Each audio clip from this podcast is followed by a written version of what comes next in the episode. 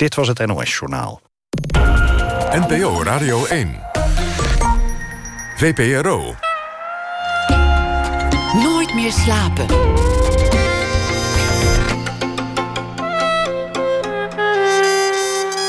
Met Liesbeth Staats. Goedenacht en welkom bij Nooit meer slapen. Hoed u voor enthousiaste mensen. Wantrouwen een enthousiast verhaal of een bevlogen betoog. Dat zegt mijn gast vannacht, filosoof Koen Simon. Hij schreef Pleidooi tegen enthousiasme, waarin hij stelt dat enthousiasme een slappe poging is om gebrek aan autoriteit mee te vermommen. Voor Koen Simon klinkt een gloedvol betoog dat met enthousiasme gebracht wordt als een nagel die over het schoolbord krast. Lastig, want deze tijd loopt over van enthousiasme. Je telt niet mee als koken niet je passie is. En als je een zeer onwaarschijnlijke theorie over het ontstaan van de aarde, maar met genoeg overtuiging brengt, ben je verzekerd van een grote schare volgers en fans. Het is de kortademige taal van het enthousiasme, schrijft Simon. Dat heeft alles te maken met fake news en het verlies van één gedeelde waarheid tussen mensen. Interessant in tijden van het coronavirus. Koen Simon werd geboren in 1972 in Eerbeek, studeerde wijsbegeerte in Amsterdam, schreef zijn scriptie over ongemakkelijk lachen en wil promoveren op het onderwerp schaamte. Welkom Koen. Dankjewel. Ja, dacht ik toen ik je boekje las. Nou ben jij hier te gast. Dit programma bestaat eigenlijk bij de gratie van mensen die enthousiast komen vertellen over hun werk. Uh, wordt dat problematisch? Uh, nee, dat denk ik niet. Um, maar dit is wel iets wat ik me heb afgevraagd en ook wat ik tijdens het schrijven heb gemerkt. Dus uh, schrijf maar eens een gloedvol pleidooi tegen enthousiasme. Um, en zonder enthousiast te worden? Ja, zonder enthousiast te worden. Dus um, ik. ik um, nee, daar heb ik echt, echt wel een klein beetje mee geworsteld. Oh, ja. ja. Maar je, je, je bedient je wel van overtuigende uh, retoriek. Zeg maar, je wil ons iets uh, nou, laten weten en meegeven. En dat moeten wij dan ook vinden. Dus ja, daar moet je wel enthousiast ook voor zijn. Ja, ja nou ja, ik richt me natuurlijk tegen een bepaald soort enthousiasme. Maar dat wist ik nog niet precies toen ik ermee begon. Want uh, eigenlijk altijd als ik een boek schrijf, dan begin ik met een, met een persoonlijke ervaring, maar met een intuïtie. En uh, nu was het zo dat ik uh, me eigenlijk aan mijn eigen enthousiasme was gaan ergeren. Ja, want het is een, een, een nou, toch opmerkelijk begin van je boek. Want je zei dat je anders bent gaan denken over enthousiasme nadat je gescheiden was. Ja. Um, Wanneer was dat? Uh, dat is uh, nou, bijna vijf jaar geleden. En uh, ik. en daarna merkte ik eigenlijk ehm, het, op twee manieren dat er iets met dat enthousiasme aan de hand was. Ik was me eigenlijk een beetje ik dacht terug aan degene die ik was uh, in het huwelijk, wat Mhm. ik had. En daar keek ik een beetje met schaamte naar terug. Uh, niet je alleen... was blijer met degene die je was na dat huwelijk. Nou ja, ja eigenlijk wel. Ja, zeker. Um, maar vooral, ik vond, ik vond dat ik uh, een idee had over het leven uh, tijdens dat huwelijk. Uh, en ik, ik heb uh, ik, heb het ook, ik heb het ook echt heel goed gehad in, in mm. dat huwelijk. Maar ik, uh, ik had een soort naïviteit over me. En dat was niet alleen maar in dat huwelijk, maar gewoon ook. Ik vond mijzelf eigenlijk ook als publiek denker op een of andere manier. Ik, ik, ik, uh, ik, ja, ik, had een, ik had een illusie of een idee van de, van de wereld. Um, ja, die, die, die ik toch, toch bij nader inzien een beetje naïef vond. En. Um, Um, Want hoe lang was je getrouwd eigenlijk? Uh, we waren bijna 12,5 jaar getrouwd. Oh ja, net niet gered. Nee. En, en je hebt kinderen. Hoe oud waren die toen je ging scheiden? Uh, die waren nog uh, jong. Um, de, de jongste die werd net drie. En de andere twee waren toen zeven en negen. Oh ja. Dus, Drie kinderen. Ja. ja. En, maar nog even terugkomend op dat enthousiasme na je scheiding. Ja. Wat, wat veranderde er? Nou ja, kijk, ik was dus aan de ene kant was ik dus, keek ik een beetje uh, terug op dat enthousiasme wat ik daarvoor had gehad. En tegelijkertijd was ik enthousiast over dat nieuwe leven. Um, en uh, het was eigenlijk zo dat ik, omdat ik zag dat ik enthousiast was geweest over een, een beetje een onwaarachtig leven dat ik leidde. In jouw ogen? In, in mijn ogen, Ja. inderdaad. Ik bedoel, ik deed geen rare dingen, maar eh, het, het was eh, ook gewoon een, een opvatting die je kunt hebben over, over het huwelijk of over het gezinsleven, noem maar op. Mhm. Iedereen heeft een bepaalde opvatting daarover, dus zo raar is dat niet. Nee. En wat was de jouwe? Ja, ehm, ja, ja ik, ik weet niet of je dat echt kan uitdrukken. Ehm, maar het, het is meer een, een beeld dat je ervan hebt of zo. En, en, en, en, en eh, dat, dat, is, dat, dat heeft niet echt een grond. Ehm, Wat bedoel je daarmee? nou ja, dat. Ehm, eh, ja, je hebt eigenlijk. ehm, je, hebt, je, hebt, ja, je hebt er een voorstelling van. En ja, dat is denk ik ook wel echt iets van deze tijd. Dat is, ik bedoel, je hoort mij ermee worstelen, maar ik. het is iets van deze tijd dat je niet. eh, een manier van leven eh, krijg je niet zomaar mee vanuit je achtergrond. Ehm, je, je kiest zelf. Je kan alles zelf kiezen.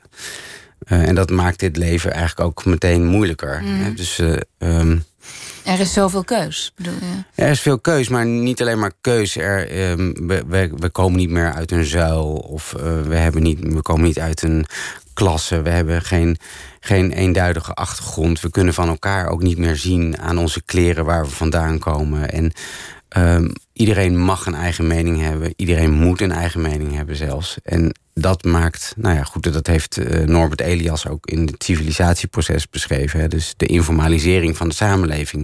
Op een gegeven moment ehm, verdwijnen de vormen. En dat maakt het dus in heel veel, eh, op heel veel manieren steeds, ook, ook steeds ingewikkelder. Ja, maar nu moet je zelf uitvinden wat voor jou dat huwelijk was, dat gezinsleven. Ja. En hoe je dat vorm gaf. Ja, en dus dat hele idee van een huwelijk dat eh, voortkomt uit een traditie, dat is makkelijk om dat gewoon aan te houden. Maar als je er zelf voor kiest, en dat doen wij nu, dan, en, en, ja, dan, dan, dan moet je er een heel sterk beeld bij hebben. En ehm, nou ja, dat, dat beeld van, van hoe een leven in elkaar zit, dat worden, dat is eigenlijk, daarvoor gebruiken we ook steeds meer het enthousiasme. Om onszelf te overtuigen en om anderen te overtuigen. Dus ik heb een, ik, ik heb een bepaalde manier van leven, of ik heb een mening, of ik heb een idee over hoe iets moet. Maar ehm, eh, het is nooit zo geweest dat we daar heel zeker over waren.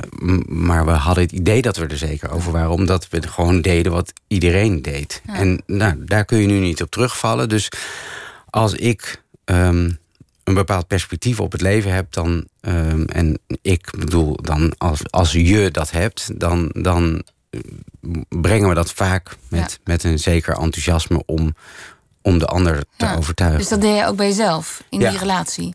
Ja, Maar ik las, eh, dat je, was, je was getrouwd met een... eh, of jouw ex is een filosoof ook. ja. Jullie kozen voor een leven op het platteland in Groningen. Mhm. Met drie kinderen. Nou, het klonk vrij idyllisch. En ook als een hele bewuste keuze. Daar ga je niet... Daar kom je niet per ongeluk terecht in zo'n dorpje. Nee, nou ja, ook wel. Kijk, wij vonden het allebei leuk om daar te wonen. Maar eh, deels was het ook omdat eh, boven Groningen... Wij woonden in Groningen en boven Groningen is het goedkoop wonen. En wij hadden niet veel geld. Dus dat is ook deels is dat geen keuze natuurlijk. Ehm, nee, maar dat was zeker iets wat, eh, wat we, wat we graag eh, wilden. En wat ook een hele mooie tijd is geweest. Dus dat, dat is er ook heel gek aan natuurlijk. Ik bedoel, het is heel verdrietig dat het mis is gegaan. Maar eh, ja. En hoe kijk, je, hoe kijk je daar nu op terug, nu het vijf jaar geleden is? Ehm, nou, ik heb van meet af aan... Heb, ben ik... ehm, ja, ben ik wel blij geweest eh, over opgelucht over de scheiding, gek genoeg. Ehm, er Dat zit- was jouw initiatief, hè, geloof ik. Eh, ja, nou ja, dus in ieder geval. Ik denk dat we uiteindelijk allebei eh, wel inzagen dat, het, dat we niet meer door wilden. Ehm, en we kunnen heel goed met elkaar nog. Dus dat is fijn. Dat, we zijn gewoon eh, goed aan het co-ouderen. En we hebben de eerste twee jaar ook. ehm, konden de kinderen in, in hetzelfde huis blijven. En gingen wij dus eh, af en aan weg. En hoe beviel dat? Mm, Nou, in het begin heel goed. Of nou ja, goed. Het was, we zijn er heel blij om dat we dat hebben gedaan voor de kinderen. Maar uh, dat, dat, dat hou je niet heel lang vol. Dat hebben we dus twee jaar gedaan. Dat is nog best wel lang. Um, en het is wel grappig trouwens. Dat, dat mensen vinden dat dan heel goed. Van, oh ja, dat is goed. Dan kunnen de kinderen blijven waar ze, waar ze zijn. Maar het heeft ook echt nadelen uh, voor de kinderen. Dus uh, wij deden het inderdaad voor hun. En zodat ze naar dezelfde school konden blijven gaan. En dezelfde vrienden hadden en hetzelfde huis hadden. Maar het is wel zo dat je je kinderen verlaat. Elke keer. Dus als vader of als moeder ga je, ga je weg. Ja, je, maar sterker nog, je, je, je, denkt van, oh, dat is mooi, want dan zitten ze in dat huis en dat is fijn. Maar het is ook een soort gevangenis, want jij gaat weg. Maar zij moeten daar blijven. Hè? Dus, eh, en nu hebben ze hun eigen plek, weliswaar op twee huizen, maar daar voelen ze zich allebei thuis. Dus dat uh, hebben zij eigenlijk meer vrijheid. Ja, het heeft een naam, hè? Birdnesting. Ja, birdnesting noemen ze dat. Ja. ja. ja. Nou ja. maar ehm, ik las, in, je schrijft in jouw pleidooi tegen enthousiasme... dat jouw eigen enthousiasme over je nieuwe leven na die scheiding... Uh, dat was heel prettig, want dat gaf een houvast... en ook weer een richting aan de jaren die voor je lagen. Maar dat jouw enthousiasme ook het verdriet van je kinderen... in de weg kon zitten. Wat bedoel je daarmee? Ja, inderdaad. Dat, is, dat, dat, dat ontdekte ik eigenlijk ook. Uh, nou ja, um, ik ben ook wel zo opgevoed. Uh, um, om vooruit te kijken. En uh, dat heeft ook zeker te maken met het feit dat mijn ouders allebei de oorlog hebben meegemaakt. En uh, er is veel voorgevallen in, in, in hun verledens. Uh, dat, dat zij ook met de paplepel hebben ingegoten gekregen dat je, dat je eigenlijk er wat van moet maken. En um, um, nou ja, en ik merkte eigenlijk na die scheiding dat, dat, dat mijn enthousiasme het de kinderen in de weg kon zitten. Dat zij gewoon verdriet hebben over het feit dat, dat, dat, dat, dat, dat hun ouders niet meer bij elkaar mhm. zijn. En uh, ja, dan is het toch ook gewoon goed om dat. Ja. Uh, om dan niet voor hen te beslissen uh, dat. Het gaat heel goed. Het gaat heel goed. Nee. Ja. En nou ja, en ook dat, dat enthousiasme daar, dat kwam ik ook op het spoor. Dus het was dus niet alleen maar het enthousiasme over het leven dat ik, dat ik leidde, maar ook um, dat ik er altijd wat van wilde maken. Ja. En, uh, ja, dat, en, dat, en dat zie ik terug bij, bij heel veel uh, mensen die de wereld willen veranderen. Dus, uh, hè, dus ik, ik, denk aan Rutger Bregman of of, eh, of, of anderen die, eh, die heel enthousiast eh, staan te vertellen. En, en dan denk ik, ja. En dan hoor jij een nagel die over een schoolbord kracht. Ja, ja. ja, daar moeten we het over hebben. Want jij, jij stelt in je boek... enthousiasme wordt te veel gewaardeerd. Ehm, we hangen te veel aan enthousiasme en, en, en, en nou, waarderen dat dus als een goede kwaliteit als iemand dat is. Wat bedoel je daarmee? Ja, het is iets wat, wat echt. Ehm, ik, hoop, ik hoop echt dat, uh, dat mensen na het lezen van het boek uh, ontdekken dat ze, dat ze zelf uh, het enthousiasme enorm veel gebruiken, zonder dat ze dat doorhebben. En dat ze het heel erg om, om, gewoon dat je het heel erg om je heen ziet. Um, um, en dus wij vinden het heel normaal dat, dat, dat er een enthousiaste medewerker wordt gezocht. Dat, dat, ja, in een, in een vacaturetekst. Ja, ja. En dat vinden we, medewerker. Ja, dat vinden we wel heel gewoon. Terwijl, um, Proactief. Ja, ja, precies, inderdaad. En ook met passie. En, maar in ieder geval dat enthousiast. Dat, maar dat enthousiasme, enthousiasme is dat je geraakt bent door iets. Um, en het betekent letterlijk door God gedreven. Je, het, je wordt even boven jezelf uitgeteeld. Uh, dat kun je niet zijn in de zin van als een deugd. Maar dat, je wordt soms geraakt door iets groters. En dan, dan ben je enthousiast. En je bent niet een enthousiaste medewerker. Zeker niet als, het, als je nog niet eens weet wat je moet doen. Um, en ook het enthousiasme van, van, van de, de uh, eh, wat je, wat je nou ja, bijvoorbeeld bij uh, het kenmerkende enthousiasme van uh, Erik Scherder, uh, zoals Matthijs ja. van Nieuwkerk, zijn DWDD-professor. De neurowetenschapper, ja. ja. introduceert. Ja, um, ja dat, dat, dat vinden wij ook heel normaal. Of, nou ja, ook, maar wat vind jij daar niet normaal aan dan? Um,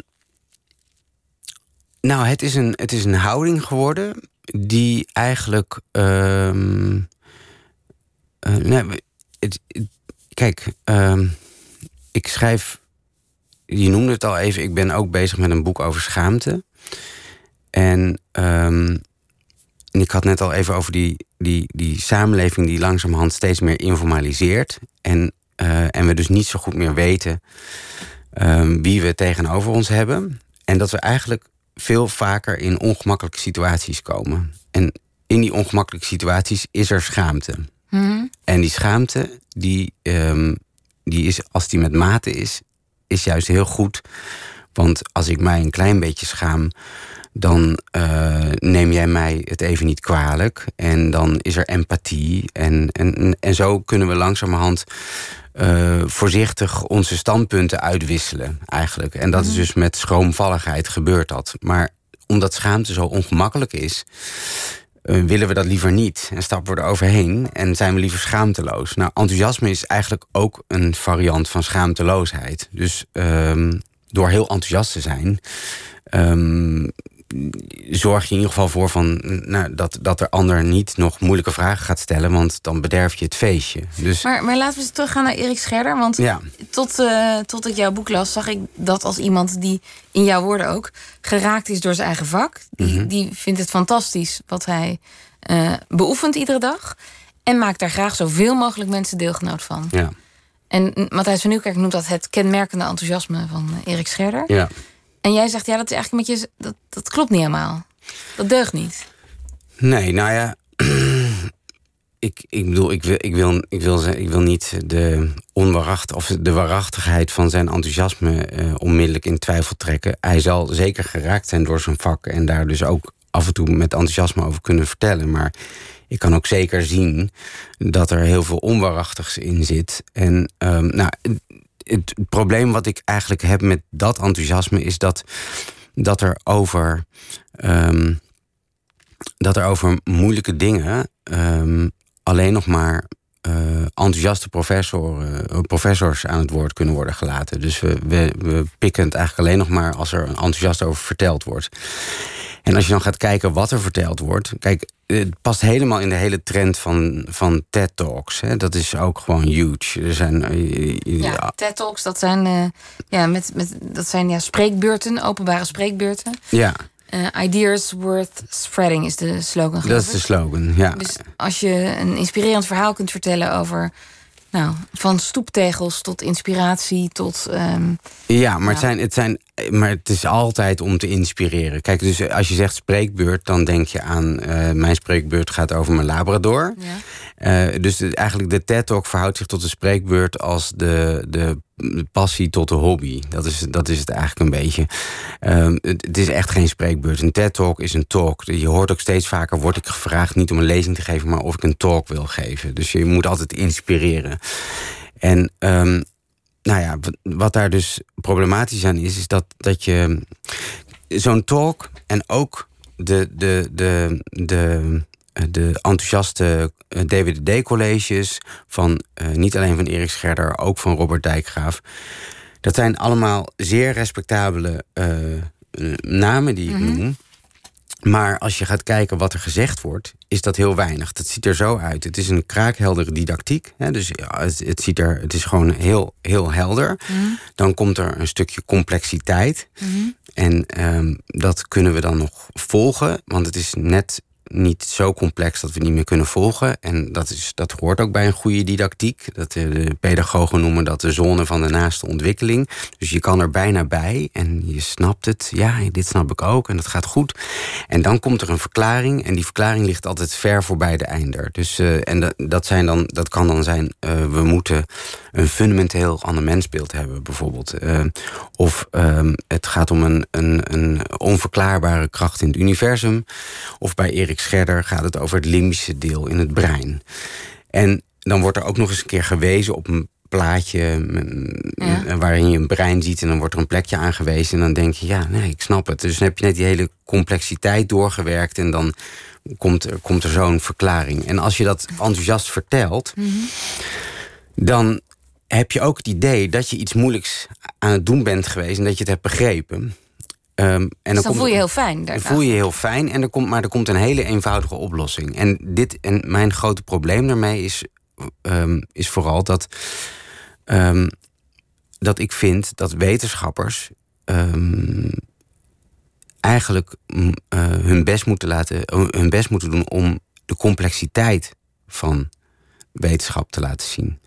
Dus de complexiteit van feiten. Hoe mhm. komen feiten tot stand? En dat moeten wetenschappers, maar er moeten ook nieuwsjournalisten moeten dat ook. Of alle journalisten moeten dat. Die moeten laten zien hoe zijn feiten tot stand gekomen.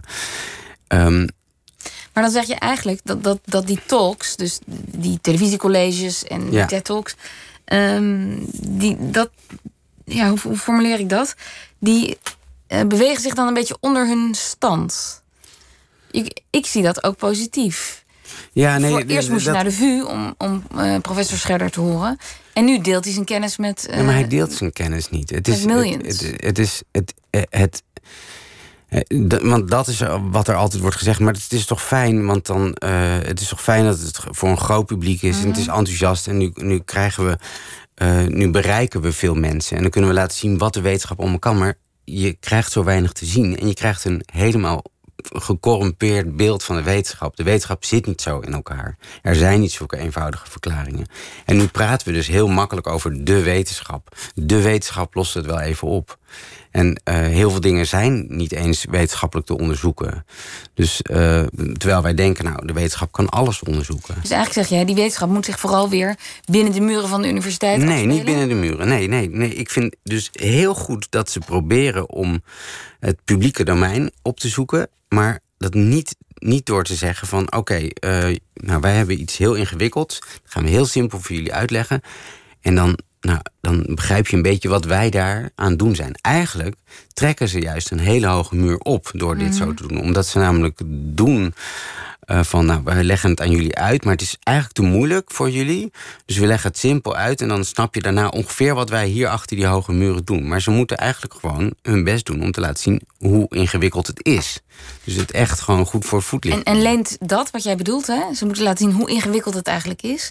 Uh, leent dat zich voor televisie? Of voor zo'n TED-talk? Of voor de massa? Zeker, ja. ja dat, dat, um, dat, dat, nee, zeker. Want uh, je kunt, dat is het enthousiasme waar ik, waar ik wel voor ben. dus je, je, kunt, je kunt nog steeds enthousiast worden. Ik, richt mij op dit, op dit, mm, dit kitscherige enthousiasme eigenlijk. En dat enthousiasme dat. Uh, um, ja, eigenlijk vooral wil enthousiasmeren in plaats van uh, echt geraakt is. Dus, uh, Jouw pijlen richten zich uh, in dat enthousiasme ook op Greta Thunberg. Ja. de 16-jarige klimaatactiviste die een enorme beweging wereldwijd in gang heeft gezet. En jij zegt, ja, ook dat enthousiasme of die gedrevenheid, die moeten we wantrouwen. Of die, die dient geen, eigenlijk geen enkel doel. Nee, nou ja, kijk, eh, wat ik daarin vooral wil laten zien is. Um, um, ik heb um, respect voor uh, wat zij wil en wat zij doet. En uh, nee, ik, ik respecteer ook haar, haar behoefte om als jongere generatie die. boos is? Ja, boos is ja, die boosheid, dat vraag ik nog af. Ze is in ieder geval bang voor de toekomst die er komt. En ik vind het goed, zij heeft reden om zich zorgen te maken. Zeker. Ehm, en meer dan, dan, dan de generatie boven haar. Want zij zal er meer uh, gevolgen van ondervinden. Dus uh, daar sta ik helemaal achter. En ik maak me ook zorgen om diezelfde toekomst. En ik maak me ook zorgen om de klimaatverandering. Um, maar waar ik een probleem mee heb, is de wijze waarop zij ehm, de wetenschap uh, eigenlijk gebruikt als instrument. Um, en, en dat ze dat te eenvoudig voorstelt. En dat, is, dat sluit eigenlijk aan bij, bij het vorige wat ik zei. Is dat dus zij zegt van nou, uh, al dertig jaar lang is het, is het, is het wetenschappelijk uh, glashelder wat we moeten doen. En, en, en zo werkt wetenschap niet. Dus um, wetenschap is een heel complex iets en er, er is niet één de wetenschap. dus ook, het, ook bijvoorbeeld de voorstelling van uh, de wereld als een brandend huis. Uh, de wereld is niet, is niet een huis dat in, de fik staat. Want er is hier er is geen deur waar we uit kunnen. En, uh, mm -hmm. en, en en die metafoor die lijkt lekker verhelderend, maar het is een foute metafoor. Dus, ehm, ehm, en, dus zij gebruikt de wetenschap, vind jij, voor haar uh, uh, call to action op een verkeerde manier. Ja, en daarmee. Um, uh, maar haar geestdrift zet mensen wel aan tot actie. Mm, ja, nou ja, de verkeerde actie lijkt mij. Want ik geloof niet dat, dat hier. Ik denk dat hier vooral polarisatie uit voorkomt. En niet per se de goede actie. Daar geloof ik helemaal niets van. Um,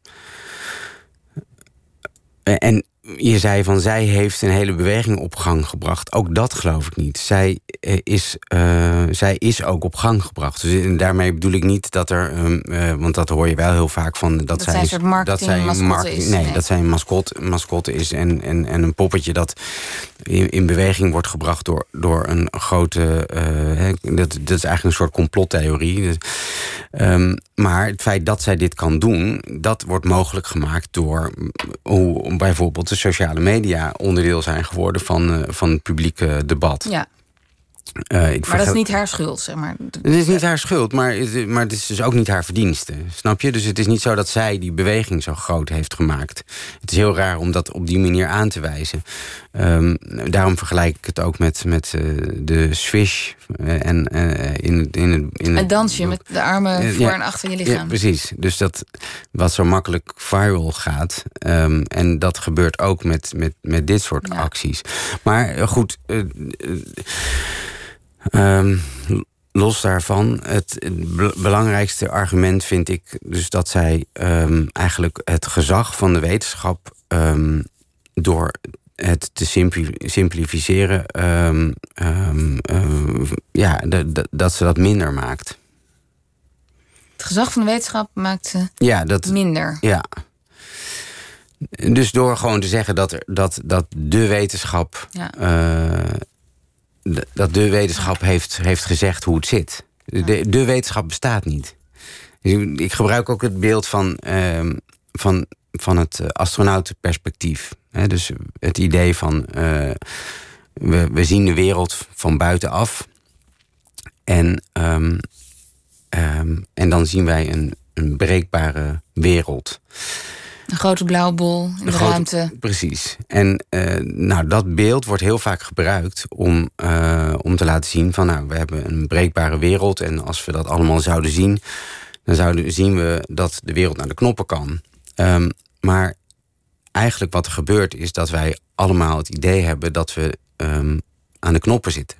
Dus we zien de wereld en we denken dat we de wereld kunnen bestieren mm. als, een, als een ding dat wij in, in onze handen hebben. Dus dat, is ook die vergelijking met dat huis dat in de fik staat. Dat lijkt heel tastbaar en overzichtelijk. En daar moeten we nu iets aan doen.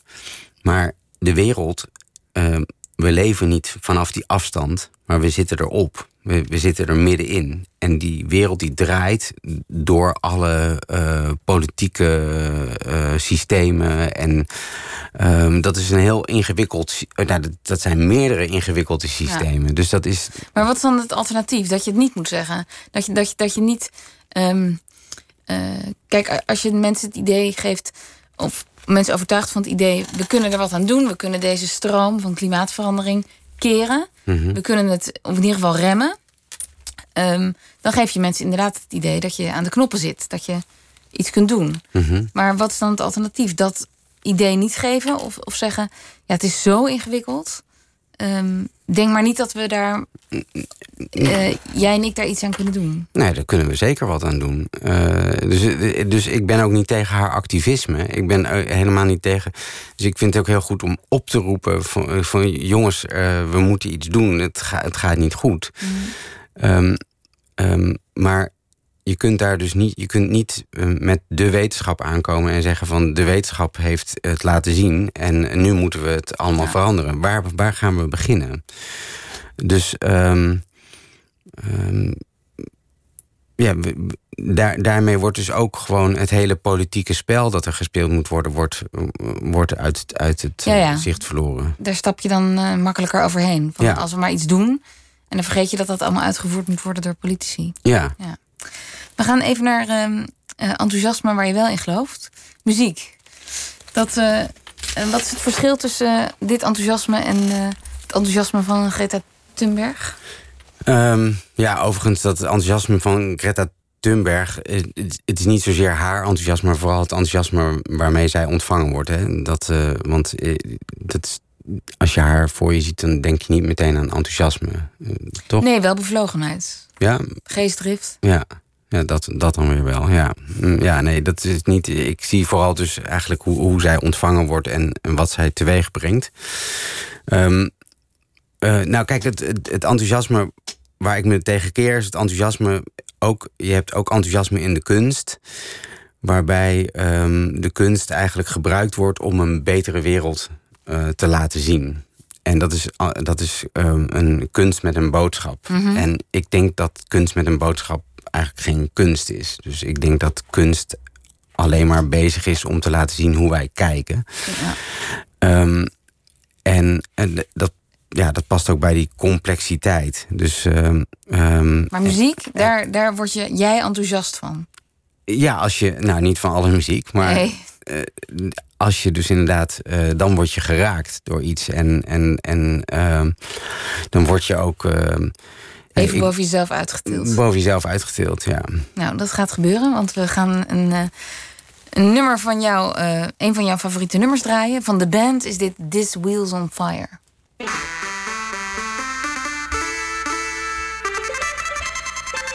If your memory serves you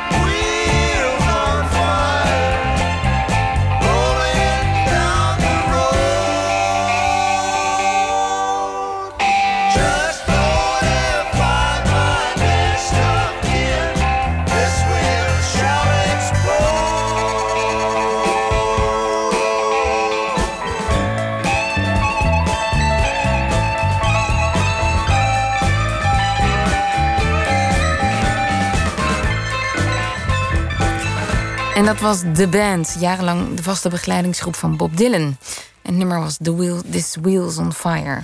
En het gast is Koen Simon, die pleidooi tegen enthousiasme schreef. Net hadden we het over jouw eh, nou, bezwaren en problemen met eh, enthousiaste mensen en enthousiaste pleidooien. Ehm, we moeten het ook nog even hebben over wat jij het post-autoriteitstijdperk noemt. Daar zitten we middenin.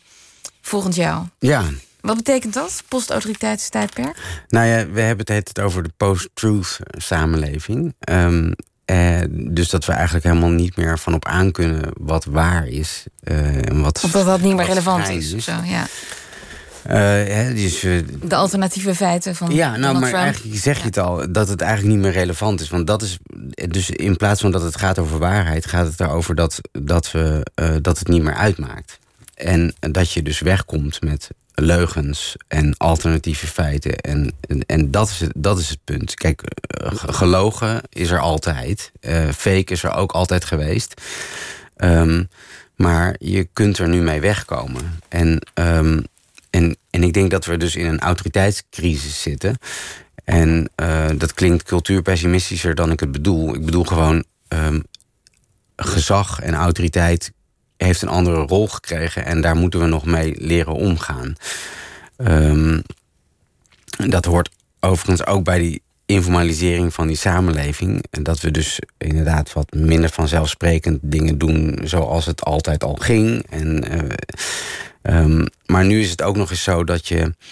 ehm, dat je eigenlijk iets kan vinden of iets kan beweren. En dat je vanwege alle eh, eh, filterbubbels waar je in zit. Ehm, altijd erkenning krijgt voor jouw standpunt. Dus het maakt niet uit of je nou 16 volgers hebt of 16.000.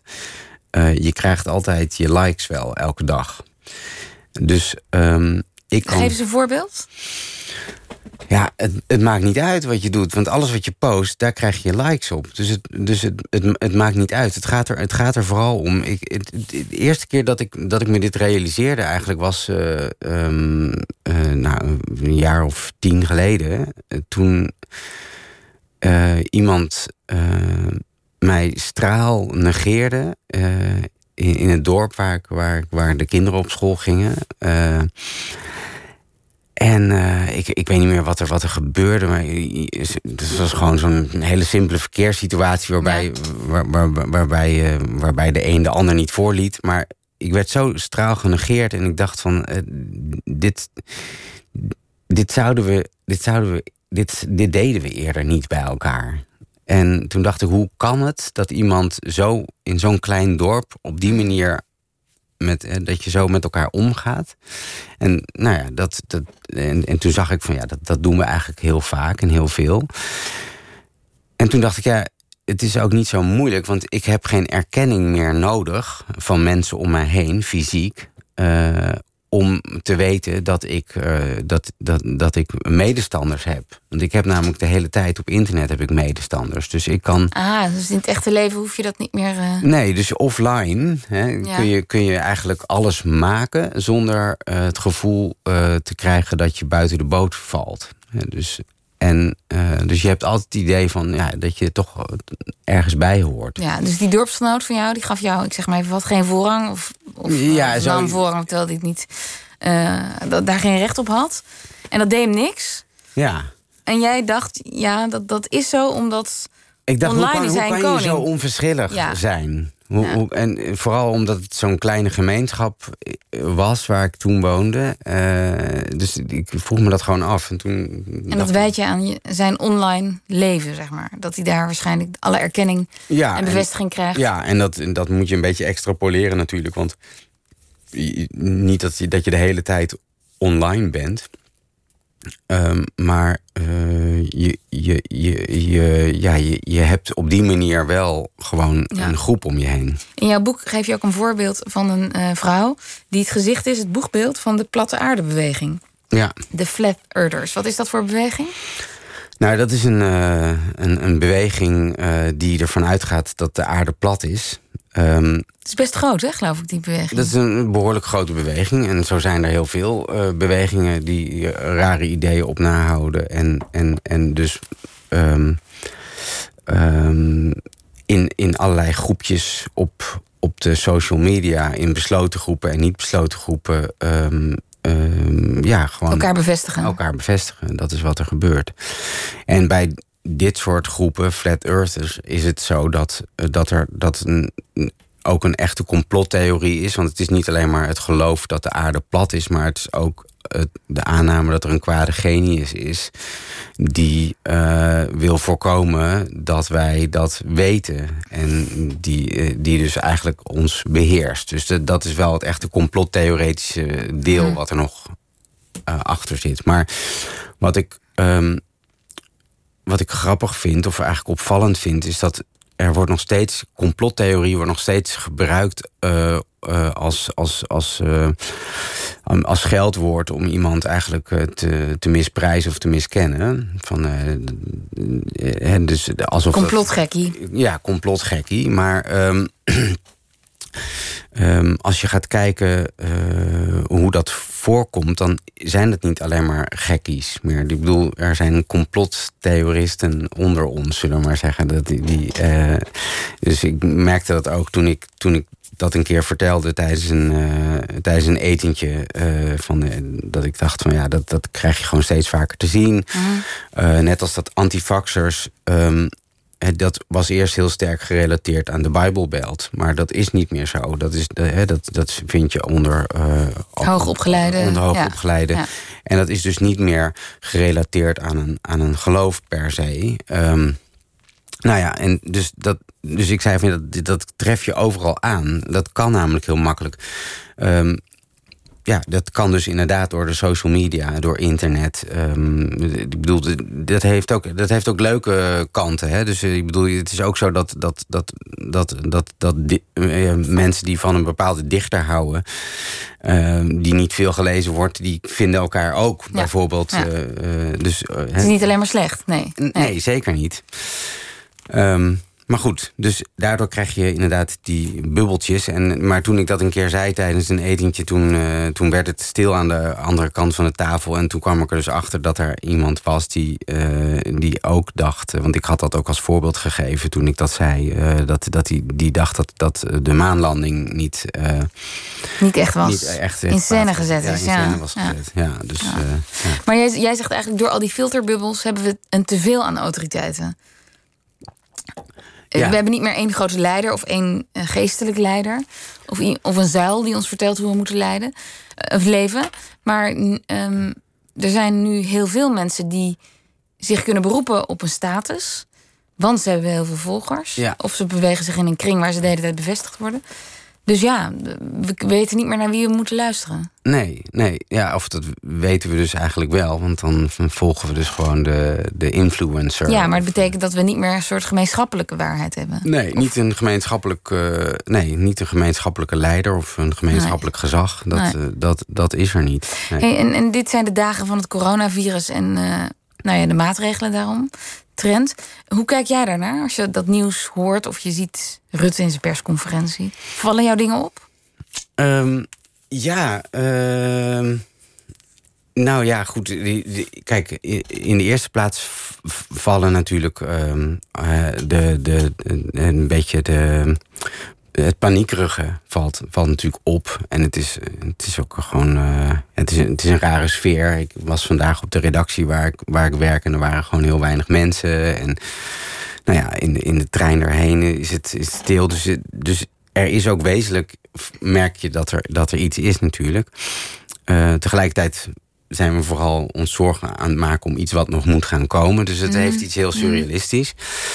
Ehm, maar wat ik eigenlijk bij, tot nu toe bij al die ehm, eh, pan- pandemieën heb gehad, was dat ik, dat ik zag hoe goed de wetenschap werkt. Eh, en eigenlijk ook wel hoe goed eh, de politiek werkt. Ehm, want je kunt wel zeggen van ja, ze, ze, ze maken er een potje van, ze weten niet wat ze moeten doen. Maar als je, als je kijkt hoe grootschalig alles is. ehm, en, hoe, en hoeveel ehm, protocollen en maatregelen er ineens worden doorgevoerd. eh, dat, dat is toch ook gewoon. Dan zie je ook van nou, die, die wereld die, die draait behoorlijk goed eigenlijk. Dus Ook hier specifiek in Nederland, vind je? ja, zeker. Ja. Dat, ja, Maar ja, ik denk dan ook bij, bij dit thema coronavirus. Dan zijn er, de kranten staan ook bol van mensen die zeggen: Ja, maar ik heb iemand in Italië gesproken die zegt: Jullie zijn gek. Jullie doen veel te weinig in Nederland. Straks bij jullie wordt het dubbel zo erg als in Italië. Of, ehm, En dan denk ik, oh ja, die man heeft er misschien ook verstand van. Want die, die is arts in een ziekenhuis in Italië. Ja, Dus, dus daar voel ik wel een soort autoriteitsprobleem. In de Ja, zin dat nee, er heel dat- veel deskundigen zijn. Ja, nee, dat, dat, dat, dat klopt. Inderdaad. Dus dan heb je. Dat, maar dat is ook waarom ik die autoriteitscrisis niet zie als. eh, dus niet als een cultuurpessimistisch ding. Maar als we moeten omga- leren omgaan met het feit dat er. eh, steeds meer eh, gezaghebbers zijn. En dat we moeten, wij moeten ontdekken hoe we daarmee om moeten gaan. En dat is juist zo lastig. Maar dat is niet verkeerd. Nee, dat is ook een verworvenheid. Hè. Het is ook vrijheid dat je zelf kan kiezen en zelf kan nadenken. En, eh, en dat is dus ook de reden dat we niet zo zo'n domme, enthousiaste saus overal heen, overheen moeten gooien. Maar dat we gewoon moeten blijven denken en kijken. En, en dus dat, dat is waarom ik, waarom ik me daar zo tegen keer.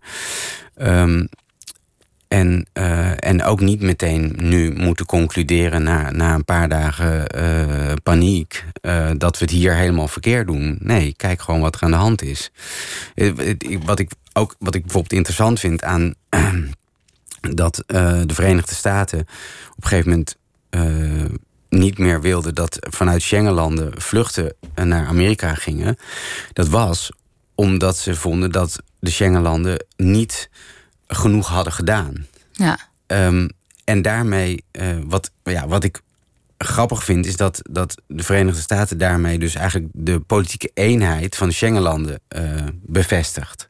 Terwijl voor ons is die nog helemaal niet zo duidelijk. Nee, wij denken, nou, dat, maar Ja. dat, dat bedoel ik. Dus wij denken, wij zijn nog geen politieke eenheid, maar ehm, als, als. In de ogen van Amerika wel. Ja, en Dat, dat zorgt er dus ook voor Ja. dat je ook ehm, wordt gewezen op, eh, op je politieke eh, verantwoordelijkheid en eenheid. En Dus we kunnen hier iets, iets van leren. Zeg maar. die, Ja, die paniek dus de- en, en die bestuurlijke keuzes die gemaakt worden. Ja, ja, Ja. Dat, dat betekent dus dat we nu echt heel erg... dus we worden eigenlijk tegengewerkt door, door zo'n zo'n andere grootmacht. En dat zorgt ervoor dat wij als, als macht ook weten Ja. van... hé, hey, wij moeten eigenlijk ons beter Ja. eh, structureren... zodat wij... Dat, en dus dus dat, dat virus, dat levert gek genoeg ook veel op. Veel op, ja. En wat, eh, wat mij verbaasde is dat jij bent een, een, nou, ook ambassadeur van die wetenschap. Je gaat promoveren en je schrijft boeken vanuit jouw achtergrond en je, je studie. Maar toch waarschuw je ons in het boek dat je zegt... we moeten niet alles overlaten aan die wetenschap. mhm, Je moet ook je eigen gezond verstand gebruiken. Ja. Ehm, waarin kan de wetenschap ons niet helpen? Wat mist er? Nou ja, ehm, kijk, eh, wetenschap ik, kan alleen maar. Kijk, eh, strikt genomen is wetenschap. ehm, eh, moet zich houden aan, aan eh, het falsificatiecriterium van Popper. Wat inhoudt is dat, eh, dat een wetenschappelijke uitspraak altijd moet kunnen laten zien op welke manier het ook gefalsifieerd kan worden. Dus onderuit gehaald kan worden. Ehm, dus Ja, dus als je zegt alle glazen zijn blauw, dan moet je kunnen laten zien eh, dat dat klopt door te laten zien dat ze niet geel zijn, niet groen en niet rood. Nee, zijn. je moet kunnen laten zien dat, eh, hoe het mogelijk is dat ze ook niet blauw zouden kunnen zijn. En Dus eh, als, je, als je beweert hoe de, eh, de- hoe de zwaartekracht werkt, dan moet je ook kunnen laten zien hoe, hoe het niet Ja. zo kan werken. Ja. Ehm, en Je moet de hele tijd proberen je eigen theorie onderuit te halen eigenlijk. Dat moet je te laten zien. ja, je moet dus niet alleen maar je proberen je theorie onderuit te halen, maar je moet laten zien dat je theorie onderuit gehaald kan worden. En dan pas is het een wetenschappelijke uitspraak. En er geldt gewoon voor heel veel dingen dat je dat, je dat niet kunt laten zien. Ehm, het het is ook een heel strikt criterium. Hè? Het is heel erg strikt, want ook de evolutietheorie kan niet gefalsifieerd worden. Nee. Ehm, en, en, maar goed, er zijn heel erg veel dingen die niet gefalsifieerd kunnen worden, maar die wel heel gemakkelijk als, als keiharde waarheden worden, worden, worden gepresenteerd. Je, je haalt een voorbeeld aan dat de politiek ook te veel leunt op die wetenschap. Bijvoorbeeld als het gaat over een debat over het ritueel slachten van dieren. Dan wordt er gedebatteerd en als basis voor dat debat is er een onderzoek naar pijn bij dieren. In hoeverre Ja. die dieren pijn. Jij zegt, nou, dat onderzoek is wel flinterdun eigenlijk. Is, Ja. is, of althans, Ja, het onderzoek, eh, onderzoek is flinterdun. Ehm, maar dan gaat het debat daarover. Terwijl het ook zou moeten gaan over wat vinden wij er eigenlijk van? wat vinden we ervan? Ja. Precies, dat is vaker de Maar vraag. meer een moreel oordeel dan een.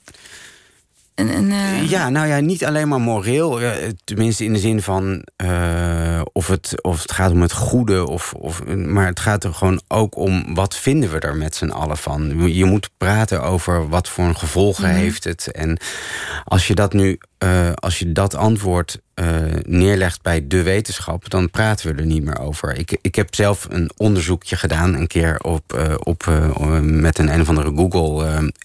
App.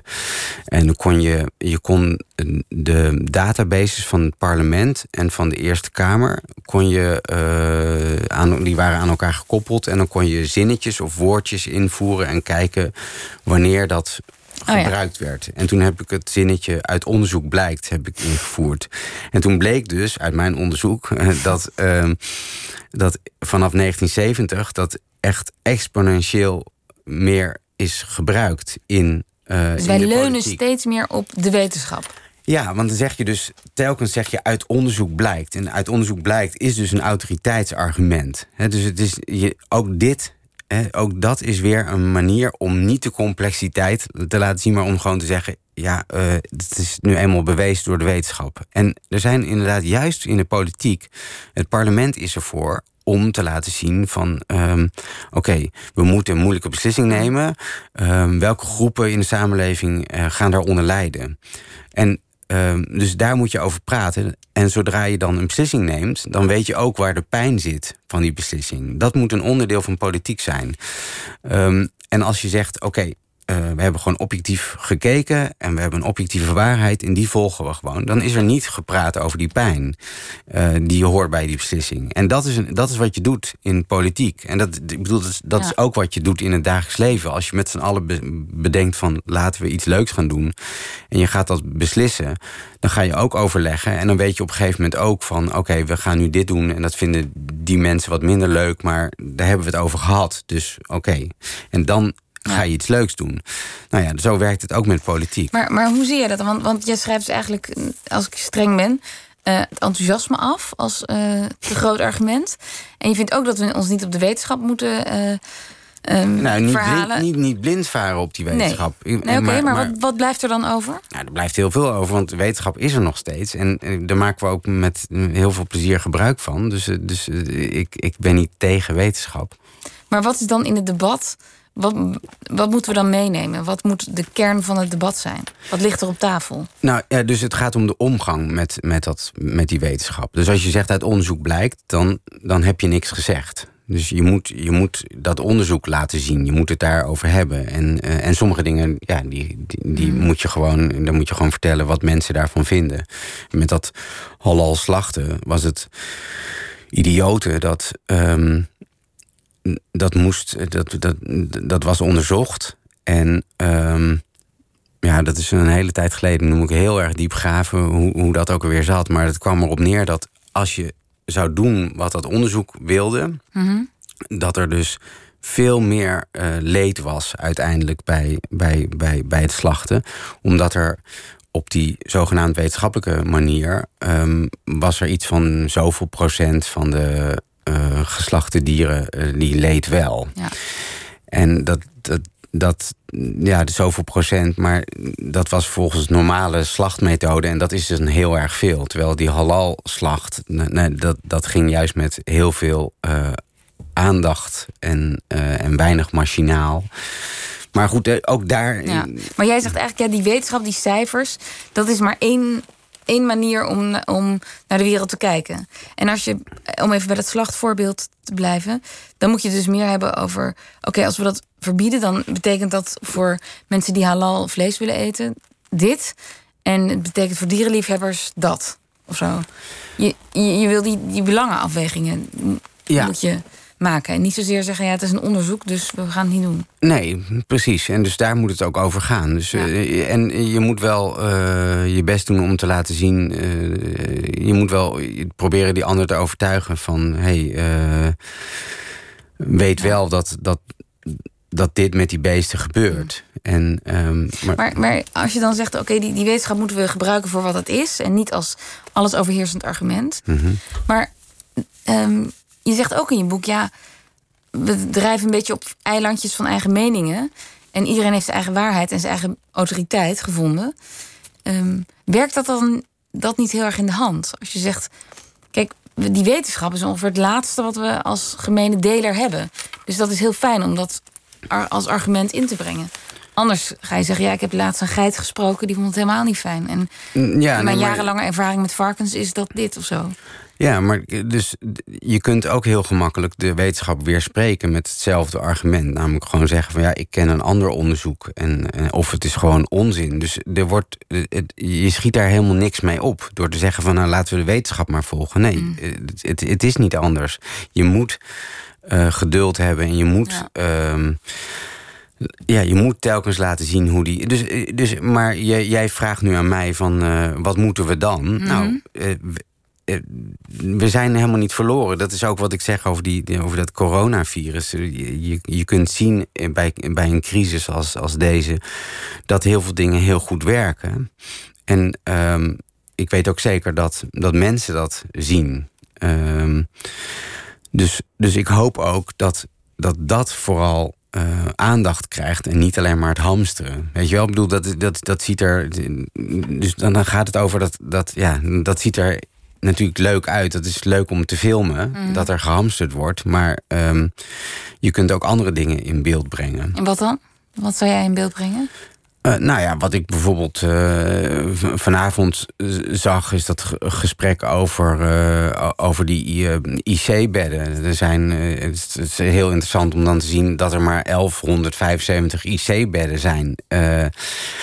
In Nederland. Ja. En dan denk je, oh, dat is eigenlijk helemaal niet zoveel. Maar dat, eh, dat zeg ik niet verontwaardigd. Nee. Nee. Dan denk ik gewoon van, oké, zijn er zoveel bedden? Oké. En, en dan vertellen ze op welke manier ze daar bedden bij gaan krijgen. Ja. En hoe ze dan samenwerken. En dan zie je dat er gewoon hele systemen aan het werk zijn. En dat dat heel goed, heel Gaat. goed kan gaan. Ja. Tot nu toe, ja. Ja, nou ja, goed. dat, dat je op een gegeven moment dat er een ramp komt, dat wil nog niet zeggen dat je je spullen niet op orde hebt. Ik bedoel, eh, rampspoed kan gewoon altijd gebeuren natuurlijk. ja. Nog een nou, laatste vraag. Wat, wat, wat kan de filosofie betekenen in het debat? Is het een beschouwing of zeg je, geef je praktische handvatten? Is dat de bedoeling? N- Nou, zeker geen praktische handvatten. Ehm, Maar je zegt, je zegt veel wat we niet mogen. Eh, ja, nou, ik denk dat ik filosofie een beetje gebruik zoals ik ook naar kunst kijk. Ik wil laten zien hoe wij kijken. En ik, wat ik hoop is gewoon dat mensen hierna eh, denken... hé, hey, het enthousiasme moet ik misschien maar een beetje temperen. Of, ja. En desondanks vond ik je toch enthousiast. Dank Koen Simon. Tot zover Nooit meer slapen deze week. Van alle kanten.